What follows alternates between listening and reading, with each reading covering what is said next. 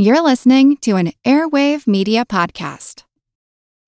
When you need mealtime inspiration, it's worth shopping Kroger, where you'll find over 30,000 mouthwatering choices that excite your inner foodie. And no matter what tasty choice you make, you'll enjoy our everyday low prices, plus extra ways to save, like digital coupons worth over $600 each week. You can also save up to $1 off per gallon at the pump with fuel points. More savings and more inspiring flavors make shopping Kroger worth it every time. Kroger, fresh for everyone. Fuel restrictions apply. This is the story of the one. As a maintenance engineer, he hears things differently. To the untrained ear, everything on his shop floor might sound fine, but he can hear gears grinding or a belt slipping. So he steps in to fix the problem at hand before it gets out of hand. And he knows Grainger's got the right product he needs to get the job done, which is music to his ears. Call, clickgranger.com, or just stop by. Grainger, for the ones who get it done. This is Kick Ass News. I'm Ben Mathis.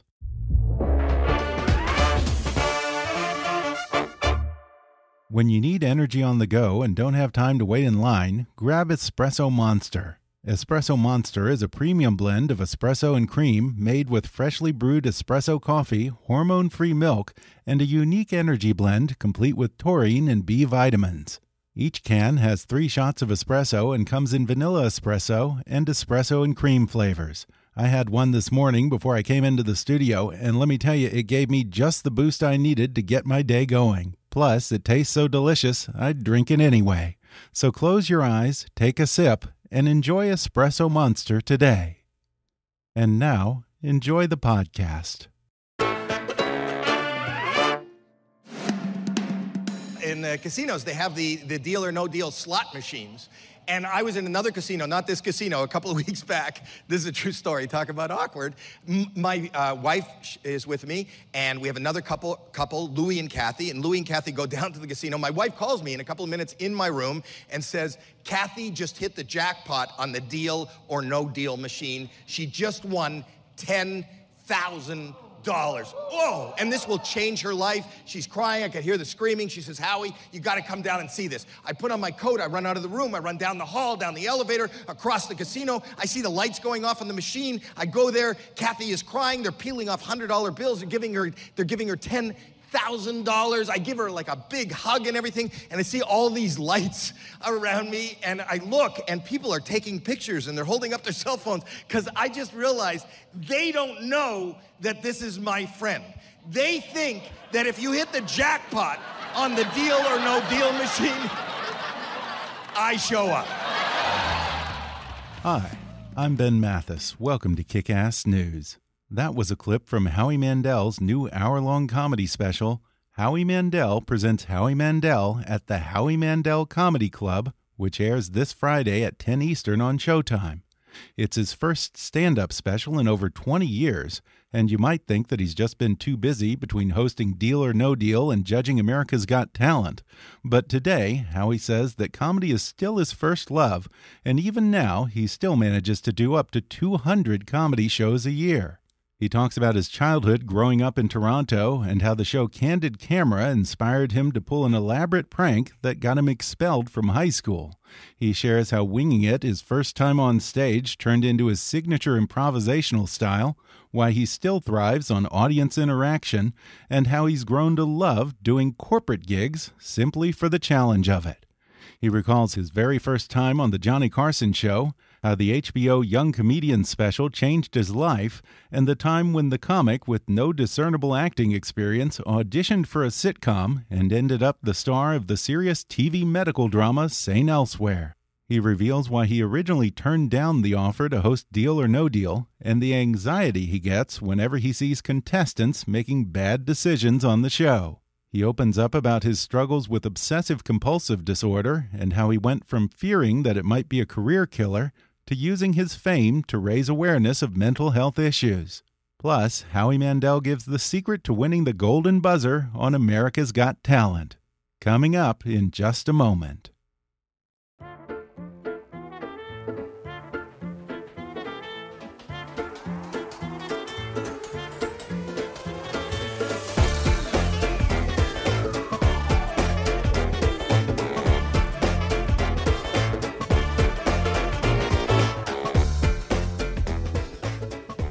Folks, you know comedian, actor, and all around showman Howie Mandel as the host of the game show Deal or No Deal and is one of the judges of the hit variety show America's Got Talent. Now he's returning to his comedy roots for his first solo stand up special in 20 years. It's called Howie Mandel Presents Howie Mandel at the Howie Mandel Comedy Club, which premieres Friday, January 18th at 10 p.m. Eastern on Showtime. Howie Mandel, thanks for sitting down with me. You, my pleasure. My, you know, I was sitting down. I don't know if it's with you. You're sitting down. We are I, I feel like down. I'm sitting down by myself, but it's good that we're. I didn't realize there's a buddy Okay. system. No, Okay, we because can we're in a building. you like. no, but all I'm saying is because we're in a building and there's other people sitting, so I didn't So realize. maybe we're all sitting down together then. Thank you for sitting in down. some weird metaphysical way or something. I have no idea, but I'm thrilled to be here and I'm thrilled to be part of this. well, thank you. Now, 20 years since your last stand-up special. Why the long hiatus? Just too much. I didn't want to do one. what? No, no. I, you know, the truth is that I have never stopped doing stand up, and I've been doing like over a hundred live stand up dates a year, regardless of what I do. And it's my Wow. primal scream at the end of the day. And whether you see me on AGT or Deal or No Deal, and the fact that I haven't been doing stand up anywhere on television, I think there's a whole almost a whole generation that doesn't Yeah. even know me as a comic. And uh, that is something that I never stop doing, always enjoy doing. It is my breath of fresh air at the end of the day. It's the only thing that I do that gets an, an, an immediate response. There's no editing, no marks to hit, no commercials to throw to, no broadcasting. It also keeps me real because it's the only thing that I do that keeps me out of LA and New York, and I get to stand in front of real people. And as somebody who is a broadcaster or on television, I kind of have a sense of what real people, how they think, what they relate to, what they react to. So I'll never stop doing that. That being said, the people that know me from Deal or No Deal or know me from uh, America's Got Talent, uh, which are great family viewing, I don't think what I do on Showtime on my special is great for the whole family. Uh, Yeah, in the opening to the special, you actually say that you have some anxiety over the fact that you might say something in the moment that might impact all the other stuff that you're doing. Like you said, these family shows, Deal or No Deal and AGT. that compounded never know with the might happen. effect of uh, where we are today uh, Mm-hmm. in our political correctness. You know, people, uh, you're treading. You know, it's like without a net. And and you know, the, the, the stand up comedy was that's what I loved about it. That's why I fell into it. That's why I continue to do it. Was my one uh, island of freedom. You know, and Yeah. it's not as free as it was. And part of that is the fact that everybody has uh, access you know, without context. So you could Well, say yeah. something in a club or say something on a show, then somebody writes about it. And or videotapes it on their phone. Right. I mean, it's weird that, uh, you know, it used to be that people went to a comedy club just to have a good time and laugh, have a few drinks, have fun.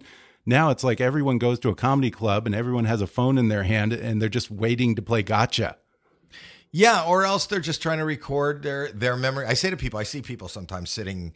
You know, I know Dave Chappelle and a couple of the other Mm-hmm. comics. They tell people to put their phones. They have these packets, Right. right, where they're locked away. I haven't done that, and uh, so sometimes I'll show up someplace, or I'm at a concert and somebody's sitting there with their phone recording, and they're looking at their phone and they're looking at the screen. I think they're missing the moment. And I say, "This Yeah. is great that you're recording because when you go home and you watch this." It'll seem like you were actually there. Because you know comedy needs to be kind of enjoyed in the moment. Yeah. and it's not even something that even when you enjoy it that you can you know reiterate to somebody. And it's really is you have to be there it, regardless of who it is. I mean there is something electric and fun and edgy about being in the moment. And uh you know if there are moments that cross the line if there is wherever that line is it's kind of fun to be there and witness to it instead of you know catching somebody and uh, spreading it out there and let everybody comment on this out of context moment. Yeah, and it's weird, especially for you, a guy who does so much crowd work and kind of seems to thrive off the interaction with the crowd, to have a crowd that's that unengaged. Well, I think that we're, I don't know if it's unengaged as much as, you know, this Or technically, I think the word is disengaged. Actually, I think I did Well, that. disengaged. I think they're engaged in in multitasking. I think Yeah. they're engaged. They're listening to you. They're watching you. They're Mm-hmm. recording you. They're texting somebody. They're receiving something. They're getting an update. There's a call. They're working. They're thinking about something else. I think that we all, by virtue of being around in this millennium, are uh, kind of. Uh, I would imagine while somebody listens to this podcast, there's something else going on Oh, yeah. at the same time. Whereas when I was growing up, it was whatever you were doing at the moment is what you were doing at the moment. There wasn't even, I mean, I, I remember the excitement of just getting a, a phone in my car. You know, the fact that you can make a phone call from the car, but now you can make a phone call, you can listen to a podcast, you Mhm. can, you know, uh, read a book, hear a book on tape Yeah. all at the same time. You know, there are so many different things you can do at once. And unless you're firing on all those, you know, uh, spark plugs, you're not holding anybody's attention. So I think Yeah. the audience doesn't really sit and listen and enjoy anymore. Well, I know that you have ADD and I have ADD. We both have ADD. And it seems like everything that we have coming at us today is a nightmare for someone. Or, or is it a blessing for someone who has ADHD or ADD? I think it's a blessing. You know, the truth is that Really? I can't to have focus enough for to a fill lot- all that. Yeah, Yeah. You know, distraction is the best uh, remedy. You know, I mean, di- distraction is the problem, but it is also the best. You know, for somebody who has trouble focusing on one thing uh, with much power for any length of time, Mm-hmm. it is great that our society and entertainment is set up now so that you don't have to. You Yeah. know, like uh, it, it doesn't exist anymore. But Vine was perfect. You know, six seconds. Yeah. And if you want to binge watch, you know, three in a row, that's 18 seconds of your time. And you got Yeah, a that's sense of pop culture or a little YouTube videos or whatever Yeah. you're watching on Instagram or Facebook as you scroll by. You can kind of take in a lot in a Yeah. short amount of time. So for people that are impaired or were impaired by this diagnosis, it's actually fitting for, uh, you know, you grew into the culture or the culture grew into us. hmm Yeah, you kind of just have to fill all of those hours, or you know, all all of the monotony and so forth, which you seem to do really well because you've got this special, you've got AGT, you've got Deal or No Deal, you've got. Uh, I think uh, uh, somewhere I read you do up to two hundred dates a year, live shows. Yeah. you don't seem it to sounds slow like a down lot. too much. It's not really a lot. I mean, in Yeah. the real world and uh, and wherever I travel, most people work at least if if you're lucky enough to have a job, you work 40 hours a week. At one place, Monday to Friday. You know, if I Mm-hmm. Yeah. show up and do an episode of something, or you know, I'll sit here with you for an hour, and that's uh, you know my day, and then maybe I can get in a plane and go do a a show for 90 minutes, and that's maybe part of a day, or I can go tape an episode of uh, America's Got Talent, and it is what it is, what you see. I, Mm-hmm. am sitting there watching a show. It doesn't take a lot of, you know, mental prowess or any Yeah. any uh, set of any. Any I don't have to uh, prepare Yeah. or do anything. And deal or no deal, the game unfolds as it unfolds. You know, and uh, stand up. It kind of unfolds as I don't Yeah. feel like I put in a full day's work. I feel like one of the luckiest people I know. do you do a lot of corporate gigs? I'm assuming Yeah, some of those two hundred are corporate gigs. Yeah, a lot of corporate. especially someone who's well known like you. and I love that. Uh, you know, they pay big money, but it's kind of not traditionally your audience or Right. a, a Exactly. comedy audience. Yeah. So, which I've learned, I, I used to fear it and kind of hate it and take the check, and now I absolutely love it. It is so, it becomes the challenge for me. Uh-huh. Oh, really? Yeah, You like and they that? make it. uh, Yeah, after all these years, you know, I've been doing it for forty years. I look for the challenge. I don't Yeah. want it to be easy. I kind of understand why people could get bored on stage doing the same act each and every night.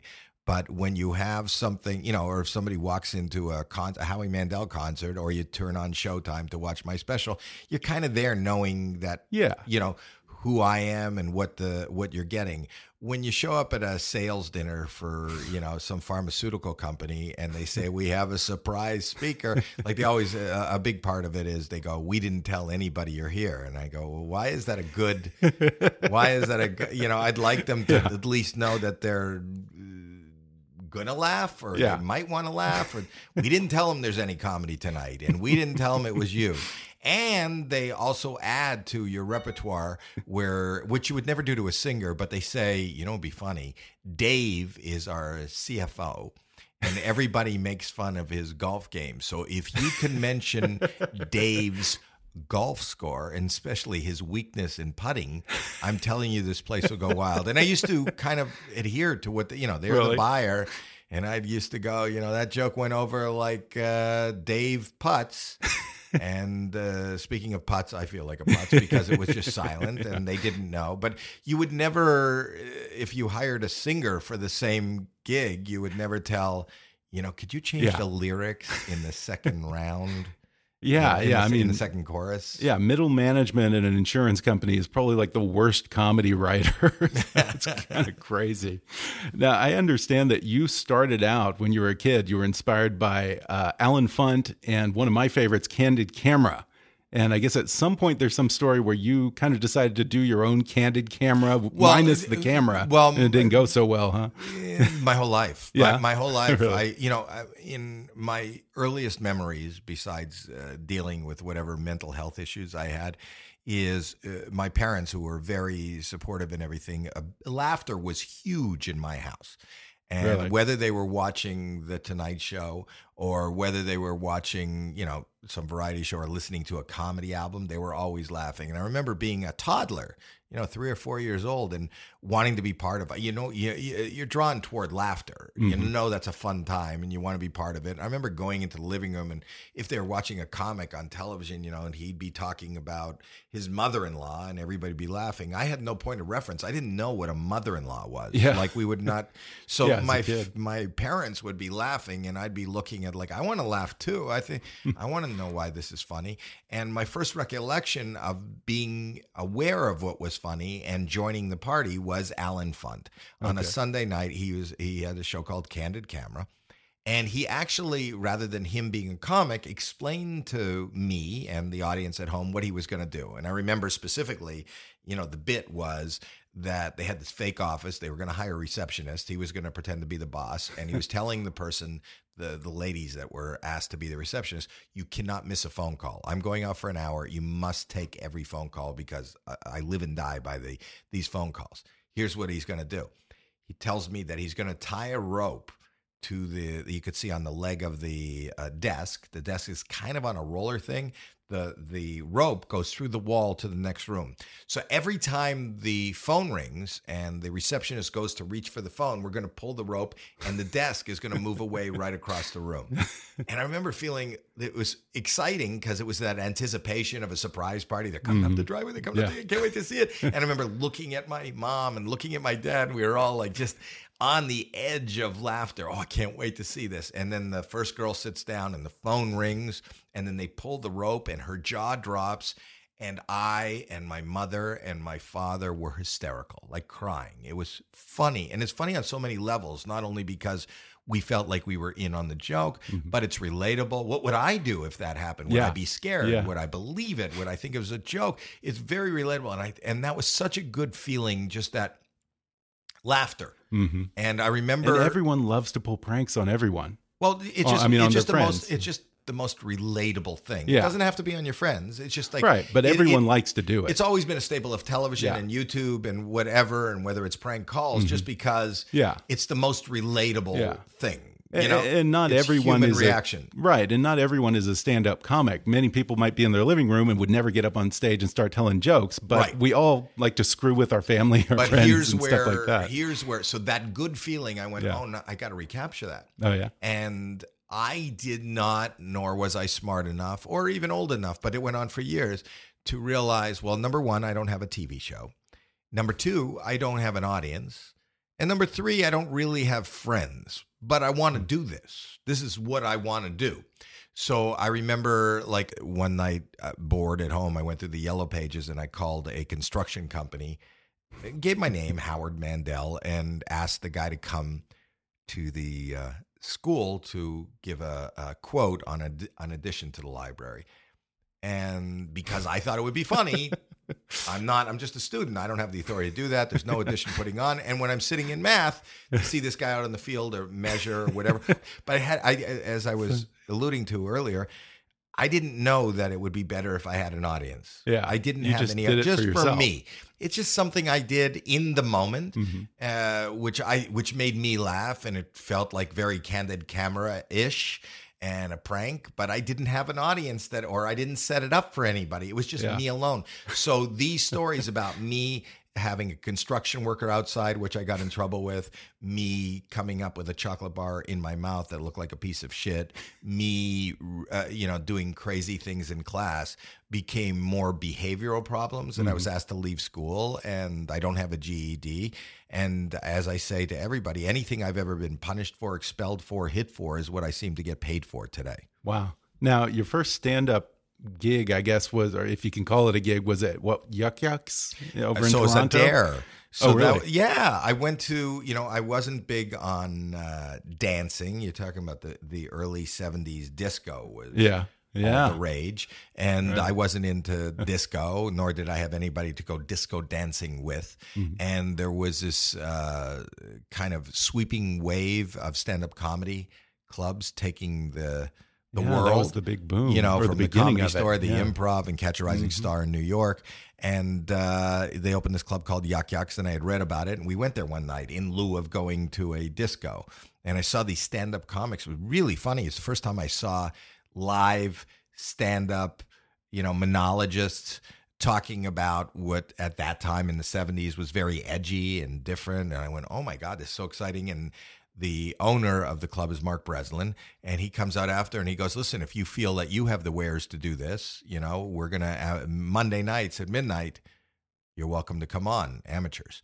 And uh, the person at my table said, "You should do it." And I went, "Okay," with no thought. And again, no preparation, no no uh, thinking about what the ramifications could be. I just thought it was it would be funny to just fuck around and you Yeah. know I- I'm not a comic. I have no aspiration to uh, be a comedian or So be in show business. no or to be a prepared set or anything, huh? No, and I just thought it would be funny. The joke would be.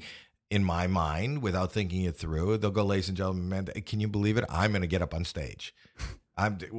What do I have to offer? I have absolutely nothing to offer. That's going to be. That's the joke. That's the end of it. Yeah. You know, just like I never had an ending. I'm going to come up with the shit in my mouth, and then what am I going to do? Nothing. I'm going to hire somebody to put an addition onto the library, and then what I'm going to do? And nothing. And nobody's going to know about it. So this was just my own little joke with my friend, and I'll never forget that night. You know, at twelve ten. It was uh, April 1977. I hear, ladies and gentlemen, Howie Mandel. And I walk out on that stage, and I had never been on a stage before. And the light is bright and shining and burning your retinas. And you look, you kind of look down from the light, and the front row, you see one or two or three tables, and there's people that I don't know waiting in in anticipation. And then you figure, you feel like really vulnerable. You're, you, you know, Yeah, they're waiting. Like, what are you going to do? Like, we don't get it. It's not a joke. It's the first time I was face to face with one of my impromptu, brilliant ideas. Yeah. You know, and I was actually seeing faces. Like, okay, what are you, what are you going to do? Yeah, and like I got, I got bluff. this gush of adrenaline and fear. And if you watch uh, any of my old YouTube uh, stints as a stand up comic, or even my first specials or my young comedian special, that was real and legitimate. I didn't have anything. So I tried, I went in my mind, in the moment, I was thinking, I got to come up with something. And if you remember my act or you saw my act, Mm-hmm. it's 40 years ago, I went, okay, okay, okay, all right, okay. Yeah, And, and that yeah. just came out of nervousness, you know, and, Yeah. okay. And as I was going, okay, all right, and they could see I was trying Yeah. to think of something, they started to giggle at my nervous Uh-huh. energy. And I heard them giggle. And then I would go, what, what, What? What? what, Yes. what, what are you giggling at? Right, And then my whole thing became this, this, you know, really uh, contorting, nervous young guy who was just looking for the, ne- and I didn't know what to do. And I still had OCD. I Yeah. had my hands in my pocket and I, you know, I carried rubber gloves because I didn't want to touch germs. Yeah. And I, okay, okay, okay, I'll do this. And I pulled it over my head for no reason at all. I'd never done that before. And as I started breathing through my nose, the fingers were going up and Oh, yeah. down. And the crowd was roaring, and I'm going, "Oh my god, this is." Uh... And then I walked off stage. I went, "Thank you, good night," and, and I walk off stage, and Mark Breslin said, "That was very good. You're really unique. Would you like to come back tomorrow?" And I went, "Okay, okay." Wow. And that it- never happens, you know. No. And then I went back and I was I did incredible. it, and that became my act. And you know, I, I had these funny voices that I did. You know, like which Yeah. eventually became Bobby, but it was just It was just a baby. you know and and i would do those things and those are things that i did in the back of Mm-hmm. classrooms just because i could do it I, I originally got that voice from choking on a piece of cake and and the air was blocked you know in in my throat like nothing was you know a plan and then as luck would have it on a separate business trip to la i went out and i got and, my- and I had met Mike Binder, who is Oh, yeah. a writer, comedian, director. Um, he had Funny because he was from Detroit. He came and played at Yuk Yuk's. I started hanging out at Yuk Yuk's, and I was happy and and going on stage, but not because I wanted or even believed that I could ever make a living at this or do this. I just it was like minded weird people who mm-hmm. had these odd little thoughts and shared them with strangers. And for me, my analogy is like if you like playing poker and twice a week you get together with a group of people and that's my poker game on Thursday nights and, Yeah. and Tuesday nights, or you like playing basketball and you have one on one at the Y with your friends. This was my couple of nights a week. I'd go over to Yuk Yuk's and do that. So I met comics who were coming in from over the border, like Mike mm-hmm. Binder, who was out of Detroit, and Dave Coulier. And I went to California on a business trip, something not related uh, in in retail.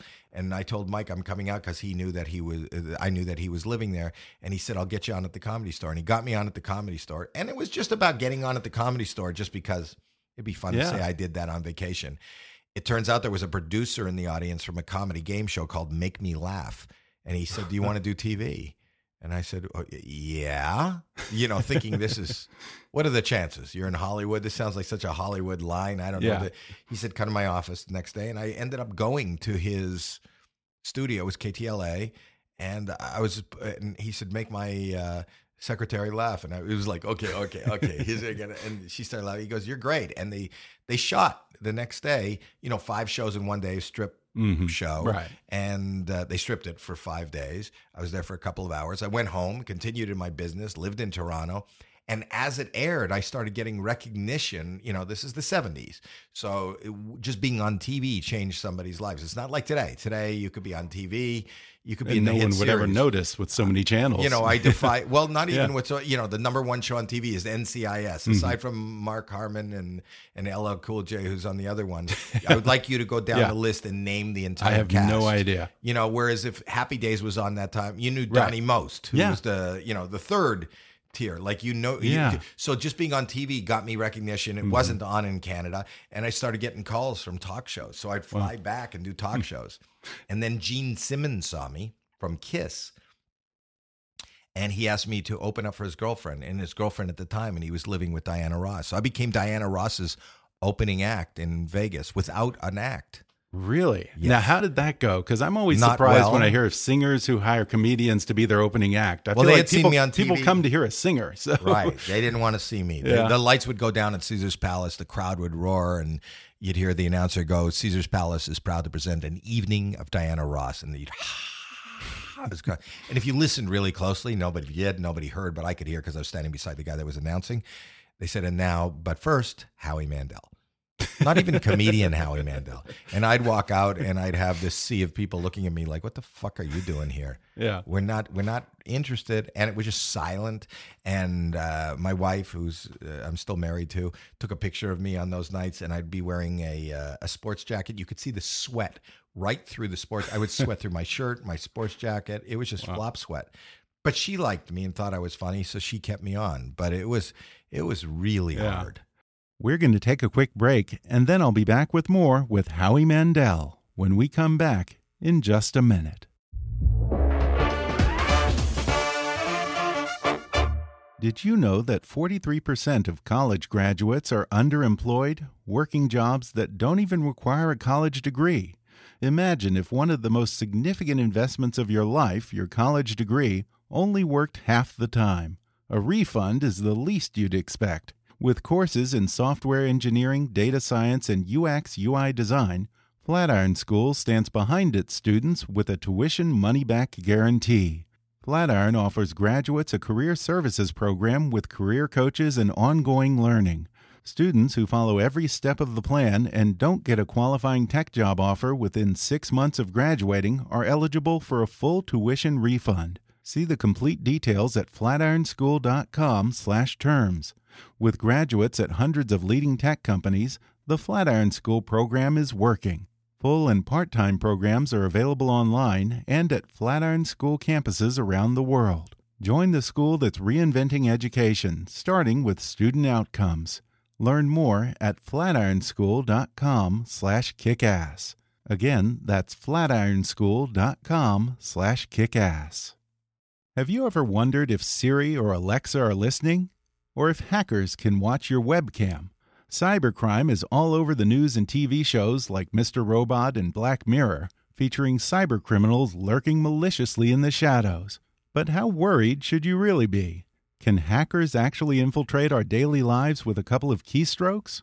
Hackable, an original podcast from McAfee, answers a simple question Is it hackable?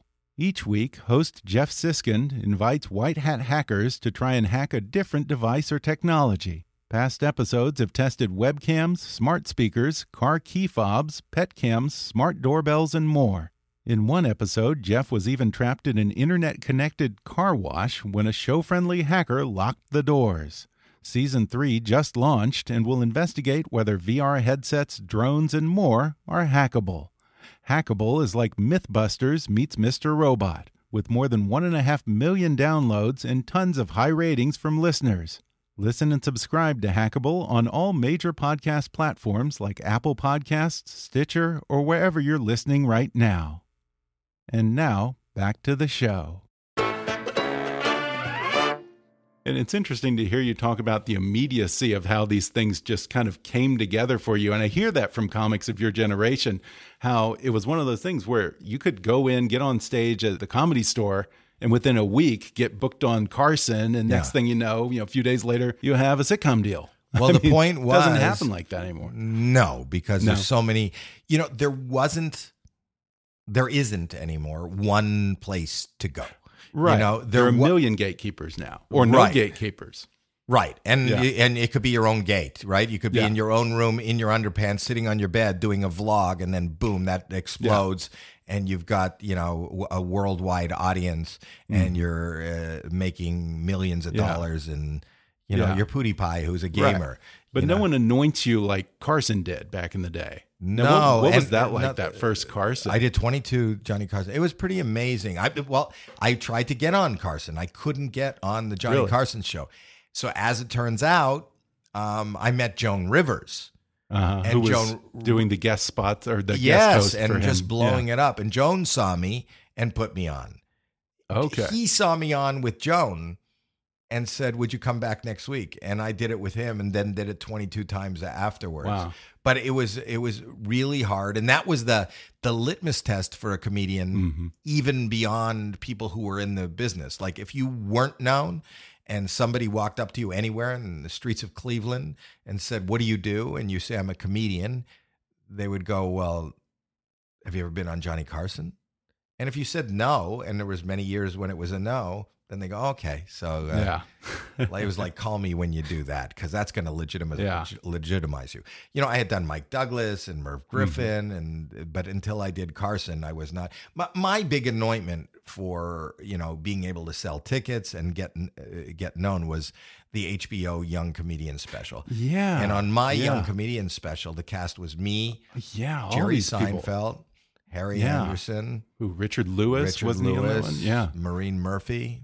Yeah. Yeah. And that was huge, the HBO Young Comedian Huge. specials back then when My- you didn't have a million different channels. I No, mean, and my life was never the same. Yeah. you know, and that the young comedian special then again was you know you had three stations and then your local. You know, you Mm-hmm. had a, a, Fox didn't exist, so you had ABC, NBC, and CBS, and then you had a couple of local stations, and then the advent of these this new cable like HBO, and HBO was blossoming at the same time as stand up comedy. So there was no place where you could hear, you know, a young person that you can relate to being a little blue, Mhm. you know, or provocative Yeah. or a little bit edgy. So once you aired on that, I could sell out theaters.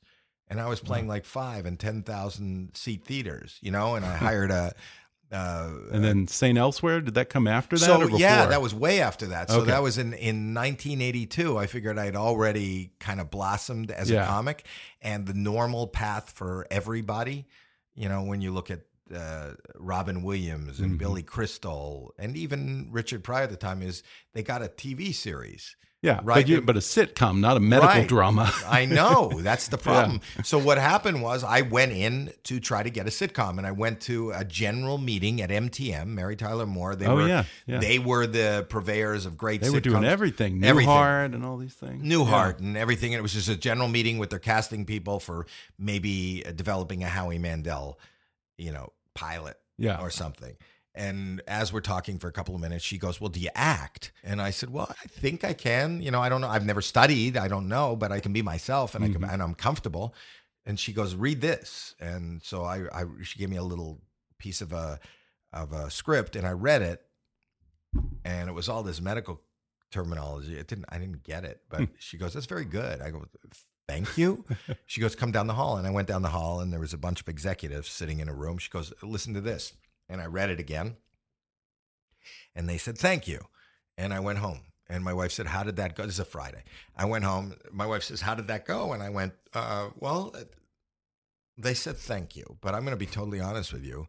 And I know these they got a lot. I love Newhart. I love the Mary Tyler Moore show. The Tony Randall show was on at the time. Mhm. They do good comedies. sitcoms. Mostly Yeah. sitcoms. They do really good comedies. The one I think that they had me in mind for, not funny.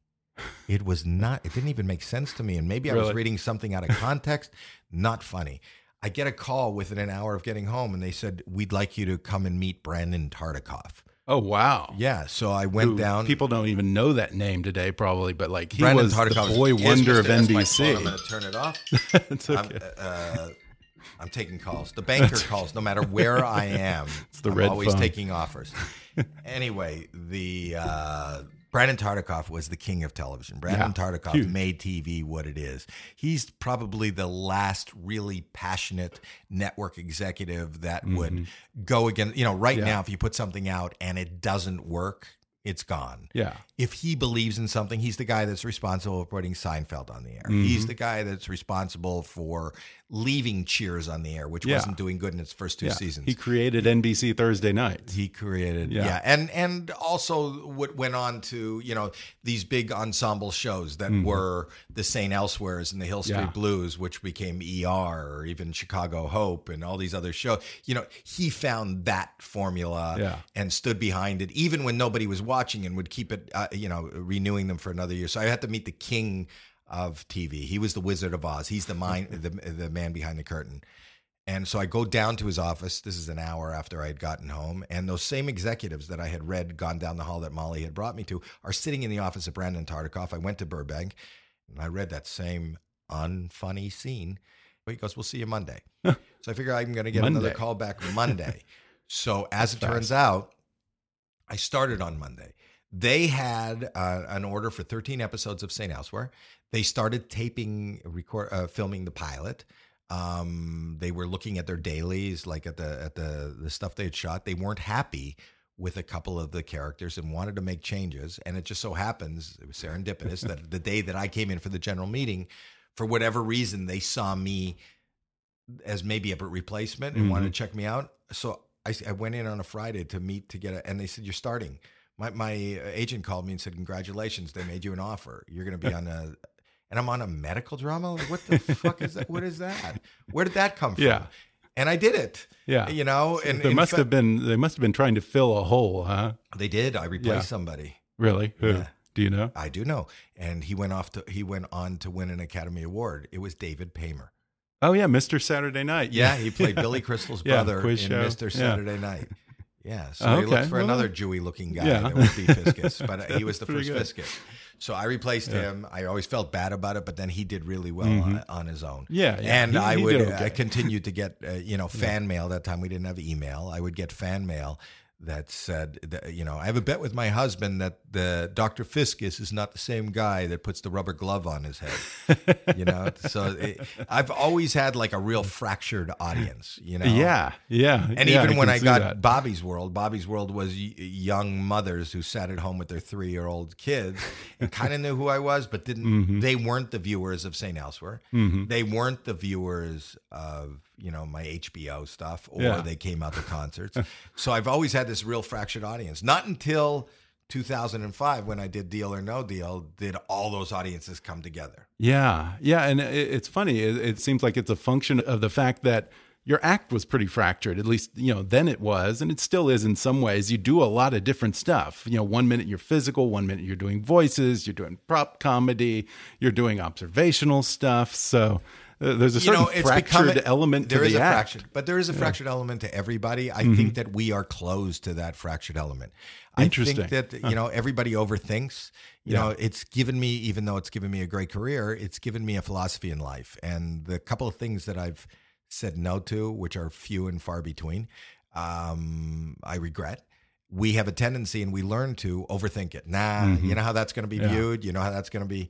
You know, Right. and we all we all do what we think we should do and it's even down to how we dress during the day when you get up in the morning you get dressed you look in the mirror and this is how you've decided Mm-hmm. Yourself. not only you want to Yeah. present yourself how you believe that you will be presented Yeah. or perceived instead of just you know Yeah. you look at a kid get dressed in the morning they don't put that much thought into it Yeah. you know and i think our lives have to be kind of in line Yeah. with that if you want success and and that's why my biggest philosopher in life in my career and my life is Nike and that is just do it Just do it. just do it That's interesting because uh, from what I've heard, it sounds like you kind of almost talked yourself out of doing Deal or No Deal originally when So- you got the offer, just well, like that's, that. Well, that's exactly right. So Yeah. with this philosophy, I tell you that, which kind of uh, Yeah. is a good precursor to the story. So it in 2005, obviously the series was over. My career at best was waning. and comedy was kind of in a slump at that point, Right. I wasn't selling the amount of tickets or playing the same venues.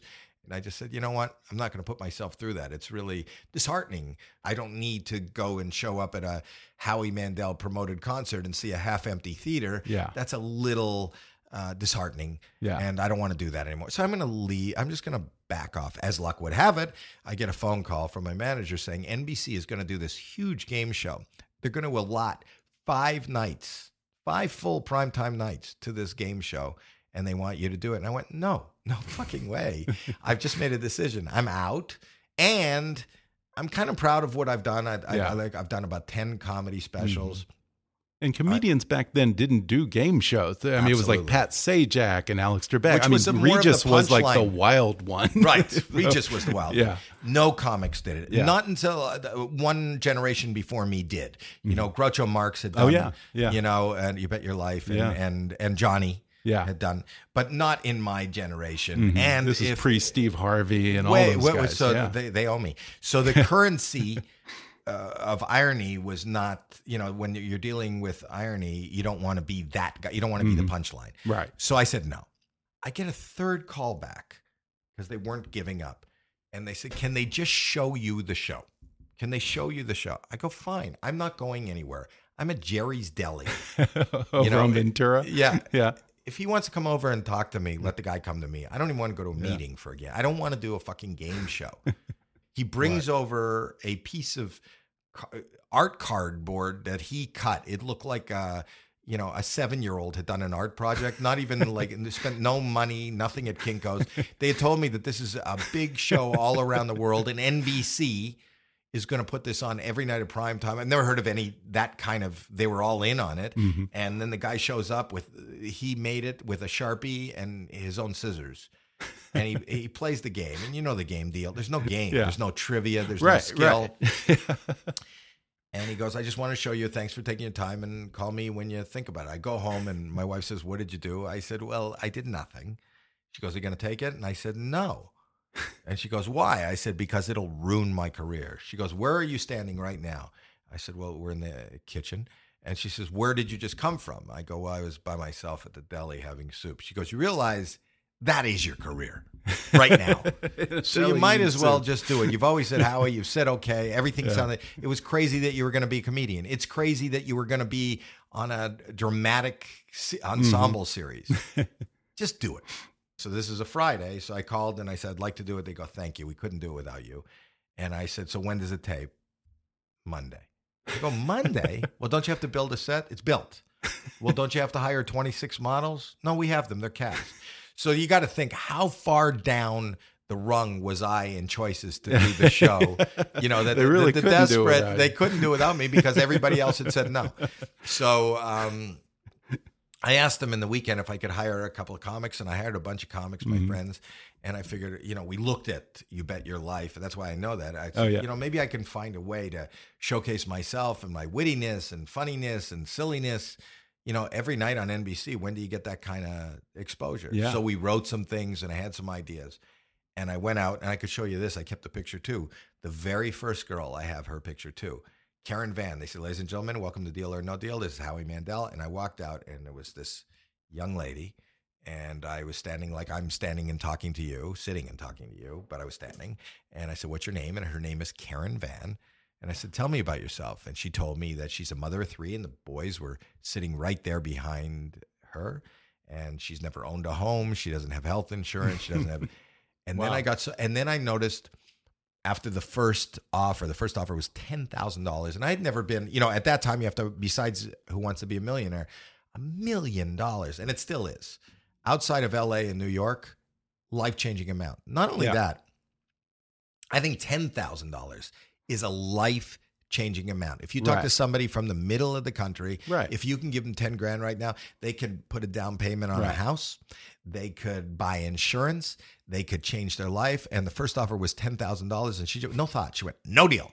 And and I remember just looking at her, and I could see the glaze when somebody who isn't in television Mm-hmm. is standing on a set in Hollywood with twenty cameras around them, three hundred people, the lights. She was just having the best time in her, in her life. But I realized that this was real money, and that's when I got scared. I said, if I start doing my comedy and I start making it about Howie, Mm-hmm. then I'm going to pull the focus from the game. And she's making already starting to make bad decisions based on her own, you know, little fairy tale world that she's come into in, in Hollywood.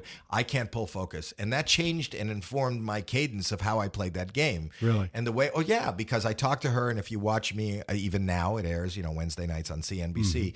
If you watch me, I talk to people like I would talk to my children, where I go, listen, Are the you offer sure? is twenty five thousand dollars. Think about this, okay? That's Yeah. probably what you're making a year. You've been here ten minutes. Twenty five thousand dollars is yours if you hit the button. Or do you want a chance at a million? So this is guaranteed. I'm going to hand you twenty five thousand dollars. So that it became about really driving home what it is. Yeah. and that's how I played the game. Yeah. And then when the game finished, I did six episodes. When the game finished, I was mortified because I had done none of my comedy. I had done none of what I thought was entertaining. And as luck would have it, it aired the first night, and I get a call saying this went through the roof. And then it airs the second night, and they said it's bigger. And uh, by the fifth night, it had exploded. I, I got back, I landed in Miami, and within 30 seconds, the first person that made eye contact with me went, Deal or no deal? And then Wow. it became, It you know, they really fast. and then if you look, you know, uh, on every show, they went. So the next show that came out is uh, Are You Smarter Than a Fifth Grader with Mm-hmm. which Jeff Foxworthy. And then they hired Bob Saget to do One versus a Yeah. 100. Yeah. And then they hired Louie Anderson to do Family Feud. And then they hired, you know, then it just, now it's, Yeah. nobody thinks, gives a second thought to the fact that co- comics were nowhere. Yeah. In, on the game shows. Yeah. And, you know, that all came right after that. And nothing has changed my life more, given me more success than Deal or No Deal. Yeah. And, you probably wouldn't have as- AGT. And with no, I wouldn't have AGT, definitely. And people started buying tickets to my shows again, to Mm-hmm. my li- live stand up shows again. Well, speaking of that, I want to wrap up by bringing it back to your special on Showtime. It's called Howie Mandel Presents Howie Mandel at the Howie Mandel Comedy Club. I really enjoyed it. And you've always done, like I said, a lot of this crowd work and improvisation in your act. It looks a lot like this new special is totally spontaneous. Most comics probably work a year or two to build an hour long set so they can do a comedy special. What is it like for you? I mean, is this Uh, You know, totally improvised or No. Is, so is obviously, outline? I have material. There's no way that I'm going to put myself in front of an audience for a national broadcast like this without any plan. But in the philosophy that we've been talking about, I'm open. And if you want to draw me down another path, you could draw me down. So when you watch the show, I'm not the one that opens the door. The audience has a tendency to open the door. So within the confines of whatever I'm doing, if somebody yells something out, if somebody does something in the room, if something is happening in that moment, it's not beyond me to uh, bring it up, to talk about it. It's also Yeah. a taped show so that I Right. if it didn't work and it went down the other way, I could cut it out. Uh, it is as it was and Wow. it was a fun audience who was excited to be there and they uh they you know i look at it like a giant party and i'm just trying to be the Mm-hmm. center of attention i had a lot of fun i hope the people there had a lot of fun and i hope anybody who watches Yeah. it has as much fun as Yeah, i it did looked like they it. did. So hecklers are welcome at Howie Mandel shows. yeah i don't think Yeah. of people as hecklers as much as participants Okay. You know, heckler for nice. me, uh, the connotation is you suck. This is Yeah. shit. I want Yeah. my money back. Nobody said that, but people did yell out. Yeah. I did have some critiques, mostly about aesthetics. There was somebody who Oh, didn't right. like the yeah, yeah. lighting. Something with the lighting. yeah, some lady didn't like the lighting, and nobody asked her. I mean, but I find that- it I feel like fascinating. that's probably an Atlantic City crowd right there. Probably is. I just find it fascinating that somebody would go to a taping. It's not a secret. this is my special, and then feel the need mm-hmm. To uh, criticize, Yeah. w- w- maybe in hopes that I would change or Yeah. relight, or I have no idea what her issues were. Now, you also joke about your OCD and your ADHD on the show. Ever since you came out about your mental health issues or whatever you want to call it, it's kind of become a part of your persona. I wonder, do you ever worry that people's first mental association with you is going to be he's the guy who won't shake hands or something like that before your career and all the stuff that you've accomplished? Or I don't th- do you feel that, uh, if you're a vessel for that kind of thing, then so be it. Then that's a good you, thing you at the end answered of the, the, day. question. Really? You know, I don't care. Um, you know, I do what I do, and I am who I am. Not for anybody but me. Mhm. It just so happens that what I do happens to uh, demand some attention outside. Yeah. You know, I'm I'm a comedian, but I don't need to be famous. I just need to do stand up comedy. Mhm. Um, I happened because I'm a child of the '50s to accidentally on a radio show talk about my mental health issues, and there was a stigma attached to the fact from for somebody from my generation to say that I had mental health issues. I suffer from depression and anxiety and OCD and ADHD. I've got almost the whole alphabet. and I go see, uh, I, I've always been coddled by uh, a family that has loved me and supported me. And I see professionals. And as we talk, I'm, I'm medicated. I didn't know I could talk about it. And when I accidentally did, and it was accidentally, um, it kind of opened up this door of, uh, you know, feeling, oh my God, you know, I'm not alone. Mm-hmm. And it is an issue that we all, and not only is it an issue, I think it's the answer to um, making this world better if everybody would take care of their mental health like we take care of our dental health. You know, you go get checked up, you go see if you have no cavities. You don't get, nobody just goes, gets checked up. And we Mm-hmm. need um, coping skills. And whether the coping skill is because you broke up with somebody, a marriage, because you lost somebody, because they're, somebody Yeah. passed Yeah. away, whether you can't handle all the pressure at work, Yeah. whether you don't have to Nobody have teaches that to kids along the way or adults or along humans. the way. And yeah. then you know we yeah. and we look for other reasons. Well, it's gun control. No, well, it's mental control. Yeah. You know, a lot of people can have a gun and not. And I'm not. I'm not pro gun or anti gun. I'm just pro human health. Right. You know, and we're not. We're not healthy. And we don't want to tell people. You know, it's really interesting. You can go tell somebody, you know what, I don't know if I could lift that. My back is bad. But nobody will say, I don't think I can do that because I'm just not functioning mentally well today. I don't think I can handle Mm-hmm. Yeah. this kind of pressure. You won't say So that true. out loud, or you'll re- excuse yourself to go to the dentist, but you say, "Listen, I got a psychiatry appointment, and I'm low on my meds."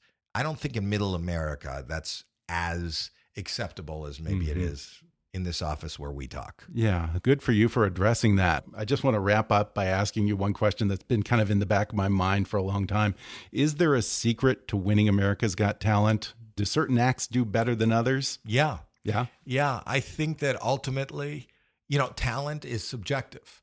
And if you're cognizant of I, I think you have to show up and and be you and not give Mhm. it any thought because winning that contest doesn't necessarily mean you're the best. It Mhm. also doesn't necessarily mean that you're going to have the most fruitful career. You know, Susan Boyle came in second. She's doing fantastic. Courtney Hadwin didn't win my Golden Buzzer this year, and she's got a record deal, and she's going to Yeah. be a huge Yeah. star like Grace. Uh, th- th- that that'll go on from time to time. But if you want to win the contest, know your audience. And Mhm. the people that vote, you know, it's really funny because I, I can't tell you, there a day doesn't go by when somebody goes, "I think you got it wrong, man. You know who should have won that one? You know who was much better." And I'll always say to that person, and it's usually an adult, I'll go, "Did you vote?" And they'll go, "No, I just think the wrong Yeah. one won." Well, if you know who's, you know, it's usually uh, a lot of them are twelve-year-old females. I think if you if you're doing something that would cater to that audience. Not that you shouldn't, but even the the music choice you have, the way you're talking, sometimes you're going to win it just by what you say before and what you say after rather than Yeah. what happens because they'll just like you and you become That's true. popular. But know who you're speaking to Yeah. and know who's in the room Yeah. is a is a good piece of advice. Well, again, Howie's new special is called Howie Mandel Presents Howie Mandel at the Howie Mandel Comedy Club. It premieres Friday, January 18th at 10 Eastern and Pacific on Showtime. You can catch Deal or No Deal on Wednesdays at 9 a.m. on CNBC, and AGT Champions airs Mondays on NBC at 8, 7 Central. Howie Mandel, thanks so much for talking with me. Thanks for having me. Thanks again to Howie Mandel for coming on the podcast. Just a reminder to watch Howie Mandel presents Howie Mandel at the Howie Mandel Comedy Club this Friday, January 18th at 10 Eastern and Pacific on Showtime. Deal or No Deal airs Wednesdays at 9 a.m. on CNBC, and AGT Champions airs Mondays on NBC at 8, 7 Central. And follow Howie on Twitter at, at Howie Mandel. Cybercrime has been all over the news and TV shows. Hackable, an original podcast from McAfee, answers the question How worried should I really be? In each episode, host Jeff Siskind invites a hacker to hack a device he's using. Think Mr. Robot meets Mythbusters. In season 3, Jeff straps on a virtual reality headset, puts his laptop password on the line, investigates drones, and more. Listen to Hackable now on all major podcast platforms. Flatiron School is reinventing education, starting with student outcomes. With courses in software engineering, data science, and UX UI design, Flatiron School stands behind its students with a tuition money back guarantee. Learn more at flatironschool.com/kickass. That's flatironschool.com/kickass. If you haven't already, be sure to subscribe to Kickass News on iTunes and leave us a review. You can follow us on Facebook or on Twitter at, at KickassNewsPod. And as always, I welcome your comments, questions, and ideas at comments at kickassnews.com. I'm Ben Mathis, and thanks for listening to Kickass News.